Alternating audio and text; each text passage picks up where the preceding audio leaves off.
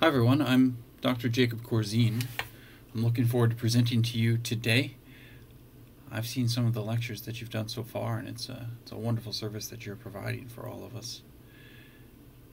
My greetings to you from Concordia University, Chicago, where I'm a professor, an assistant professor for theology. Today, I want to talk to you about freedom without having been freed a concept of a merciful, of a merciless world. Now, uh, this work will work out the way that these titles usually do, that I will try to work toward this title, but have an outline in place that works along this topic a little bit.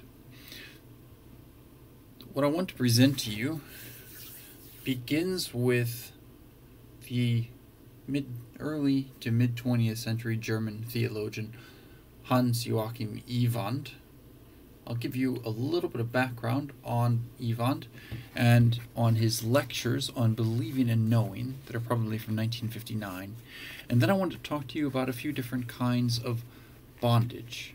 It's hard for us to talk about freedom without talking about bondage. And we'll speak about a bondage of the eyes, and then a bondage of your rest and peace, and then a bondage of your soul and see if we can find a way forward out of that at the end. Eyes, rest, and soul. So, Iwand was an early mid 20th century German theologian. He was a Luther scholar, to be sure. He lived through the threat of National Socialism and was afterward extremely frightened by the threat of communism in his day. His 1959 lectures on believing and knowing have a section where they deal with different reasons that lead people to deny God's existence, different motivations for this kind of denial. And for Iwand, who was very interested in Luther's study of the bondage of the will, don't think of that just as the title of a 16th century book, but think about that concept for what it is the bondage of the will.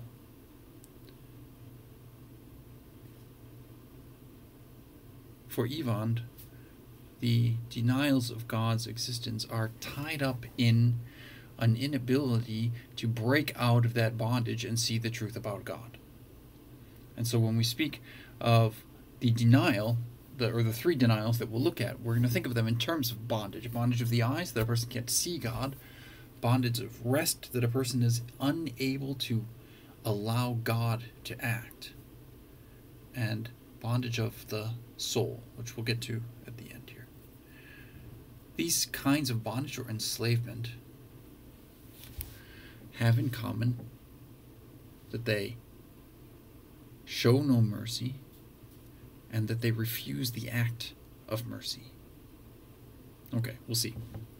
We'll see that freedom isn't just the opportunity to do what God regards as good, it's freedom to perceive God at all we'll see that there's no freedom without mercy. And we'll see that a would be freedom, not grounded in mercy, is no freedom at all, but in fact the worst bondage of all. So let's start with the bondage of the eyes. We want to be careful to think about a bondage of the eyes, and an inability to see as the right way to begin a denial of God. A denial of God is not just a belligerence, sort of we we can imagine how the, the sinner angrily denies God. But there we, frankly, ascribe too much freedom to the sinner. The sinner is bound to deny God because he's so restricted in his sight that he cannot see God. And so, even when his reason is in order, it has to assess that God does not exist. This is this is concupiscence. The Augustinian formulation of sin that is being turned away from God. We have this in Augsburg Confession, Article 2 already, where Melanchthon def- defines original sin. He says, likewise, they teach that since the fall of Adam, all human beings who are propagated according to nature, all human beings are born with sin, except for Christ, are born with sin, that is, without fear of God, without trust in God, and with concupiscence which in the German text, this is a translation of the Latin text, in the German text is they are full of evil lust and inclination. They are inclined against God. You see, it's not just indifference or ignorance, but it's a persistent blindness. You can't see what is behind you. There isn't a mirror in front of you, and there's no ability, or at least no desire, no willingness to turn your head around to see what is in a different direction than in the direction you're looking. This creates something like blindness when we when we uh, blind a horse or, or when we block a horse's vision. We speak about blinders. Now, the thing is that any Christian can sympathize with this kind of blindness because we all suffer from concupiscence. But when we call it concupiscence with Augustine and with Melanchthon, and we consider what it is, then we actually take a step forward, realizing the nature of the problem. It's an epistemological hindrance. That means it's a limitation of what we're actually of how they're based in how we know things. And this in particular comes to bear in the realm of natural science, which studies what is observable and immediately in that excludes God from its field of study. And so when you have your consensus, not without opposition to be sure, but your general consensus in the natural sciences that God does not exist, what we're dealing with actually is a limitation or a blindness of natural science, which cannot study that which it cannot observe. It feels like freedom, but it's only a freedom when you select the things, the things that are below you, and focus on those. And you have freedom in that realm that is below you. But if you have left something above you, not selected, then it's a freedom that is really a sham because it's a bondage of the eyes. Not a blindfold, not complete lack of sight, but like blinders on a horse so that you only see in one direction. Or like a fixed telescope where the actually interesting thing that you would like to focus the telescope on is behind you, you have no way of knowing that if you can only look in the direction that it is pointed. Now, Iwand saw this not as a cause for condemnation, but rather called to join people in their blindness, to acknowledge that you cannot see God except with the eyes of faith, and especially not with the instruments of observation that are available to natural science. And then Christianity brings liberation, freedom, sight from this, because with the gospel we call on people to turn their heads, to turn around and look to Jesus. And when doing so, we remove their eyes from bondage. This is liberation. This is the work of God. Okay, that's the first type of bondage that, or type of denial of God's existence that is tied up in an enslavement that Iwand addresses. The second, I'm calling a bondage of the rest. Now, what do I mean by this? The title of this lecture, the title given to me, the very nice title given to me, refers to a merciless world. Now, this isn't the way that I choose to interpret this here in order to stick with Iwand is to say that this is not a mercilessness that is faceless. It's not that the world as a mindless aggregate of people that is beyond anyone's control is merciless, but rather that that mercy that lack of mercy has a face and a motivation and a will. It's the mercilessness of injustice. This is a this is a hot word these days. But as Christians approach it, one of the things that we can acknowledge is that it is constantly visible and that we can also see it. And that our sense of justice calls for correcting it.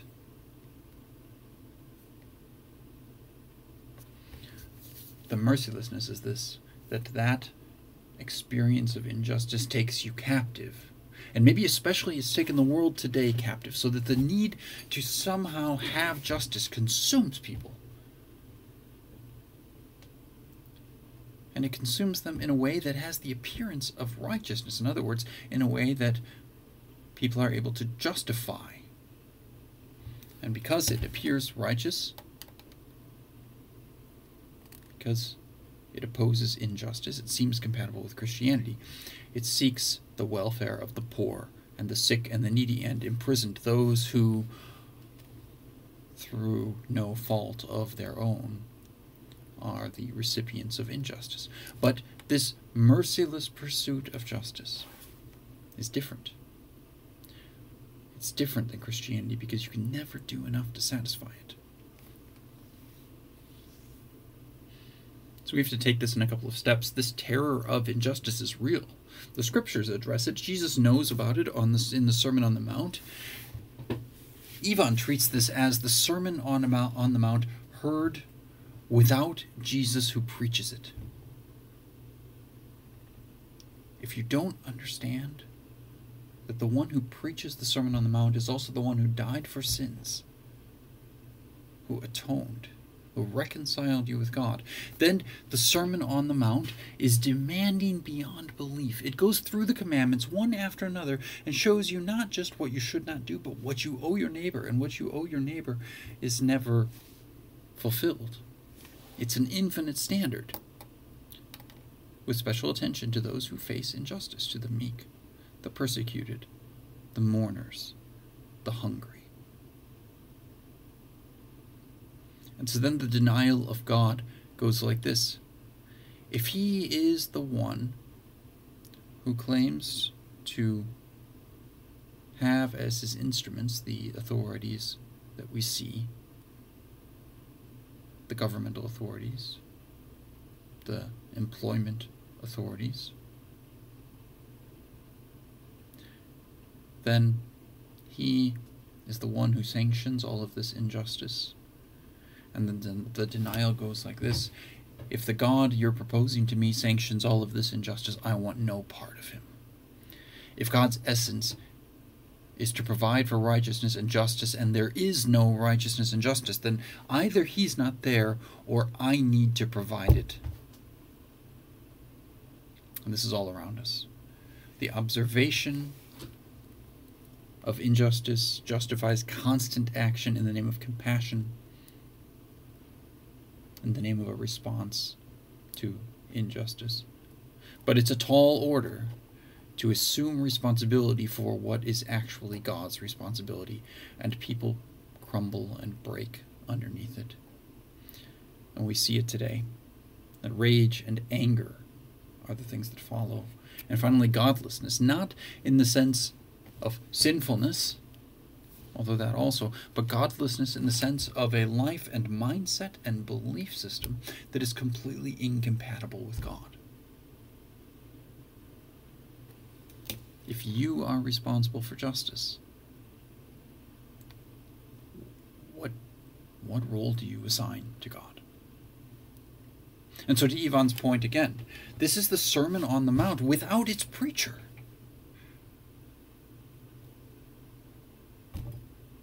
The Sermon on the Mount without forgiveness. In his death and resurrection, Jesus provided for the unjustly treated, he provided justice for them and without this resolution of the injustice, without the adoption of those unjustly treated by men as the children of God, all that remains is human action. We're seeing this play out. Every human action is required. You must do everything. Nothing is enough. And as this plays out, we're on a clear path to destruction. Iwand was afraid. And we can sense this too. You know, C.S. Lewis notes our collective sense of justice as he makes his case for God's existence in mere Christianity. We have it. He does this negatively by noting our revulsion in the face of injustice. We know these things exist. But he steers toward Christ. And if we don't do that, then we are on an eternal search to justify ourselves. And that goal is unattainable. I have this book at home right now called White Fragility that presents exactly that situation.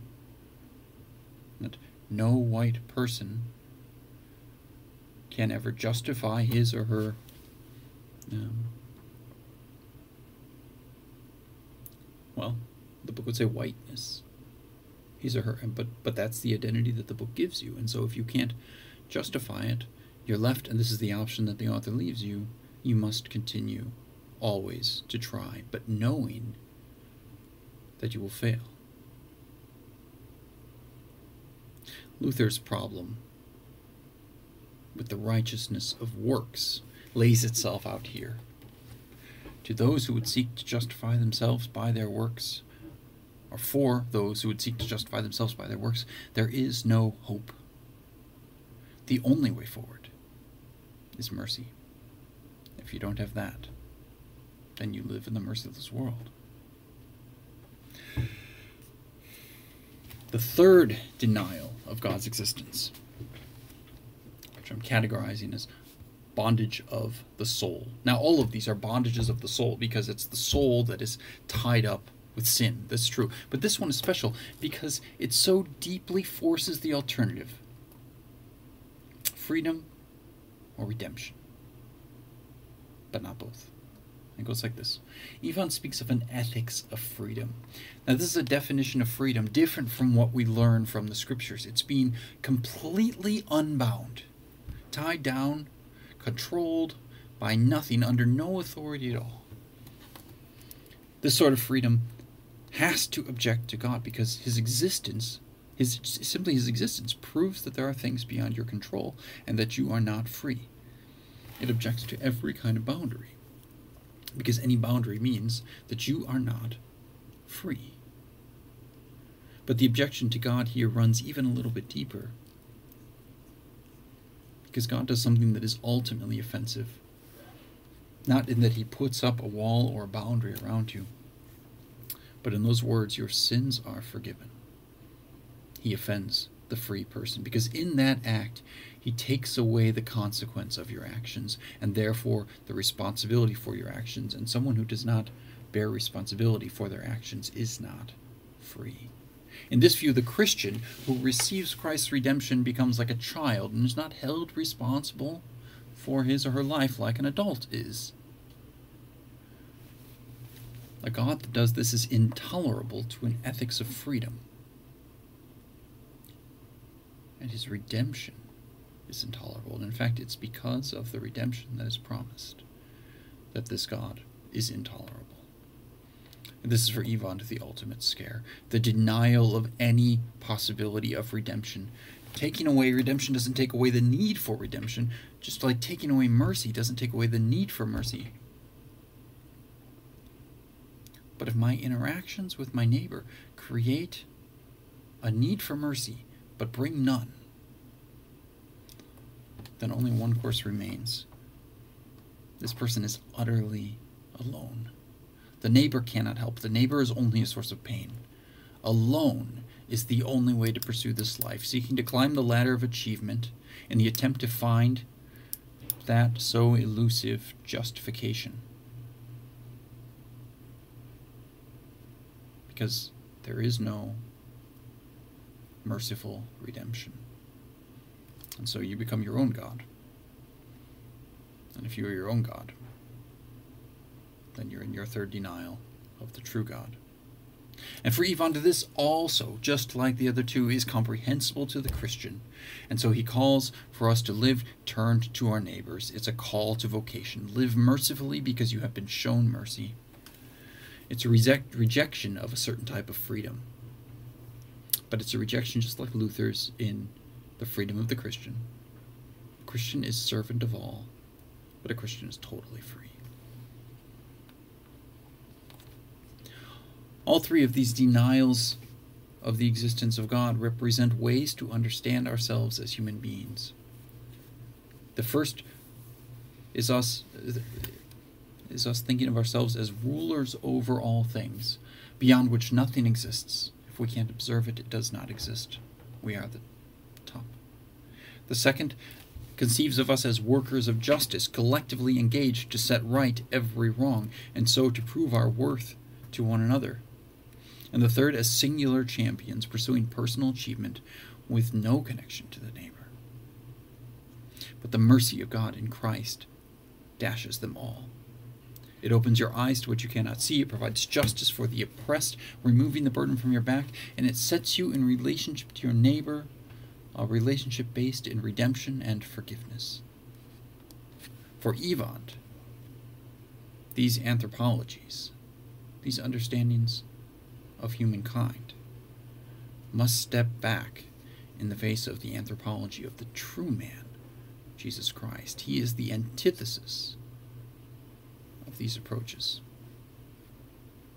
We learn to know ourselves in Him. He dashes the idolatry of self and creates faith in the true God, and with it brings the true freedom. He frees your eyes to see, He frees your life to rest, He frees your soul for redemption.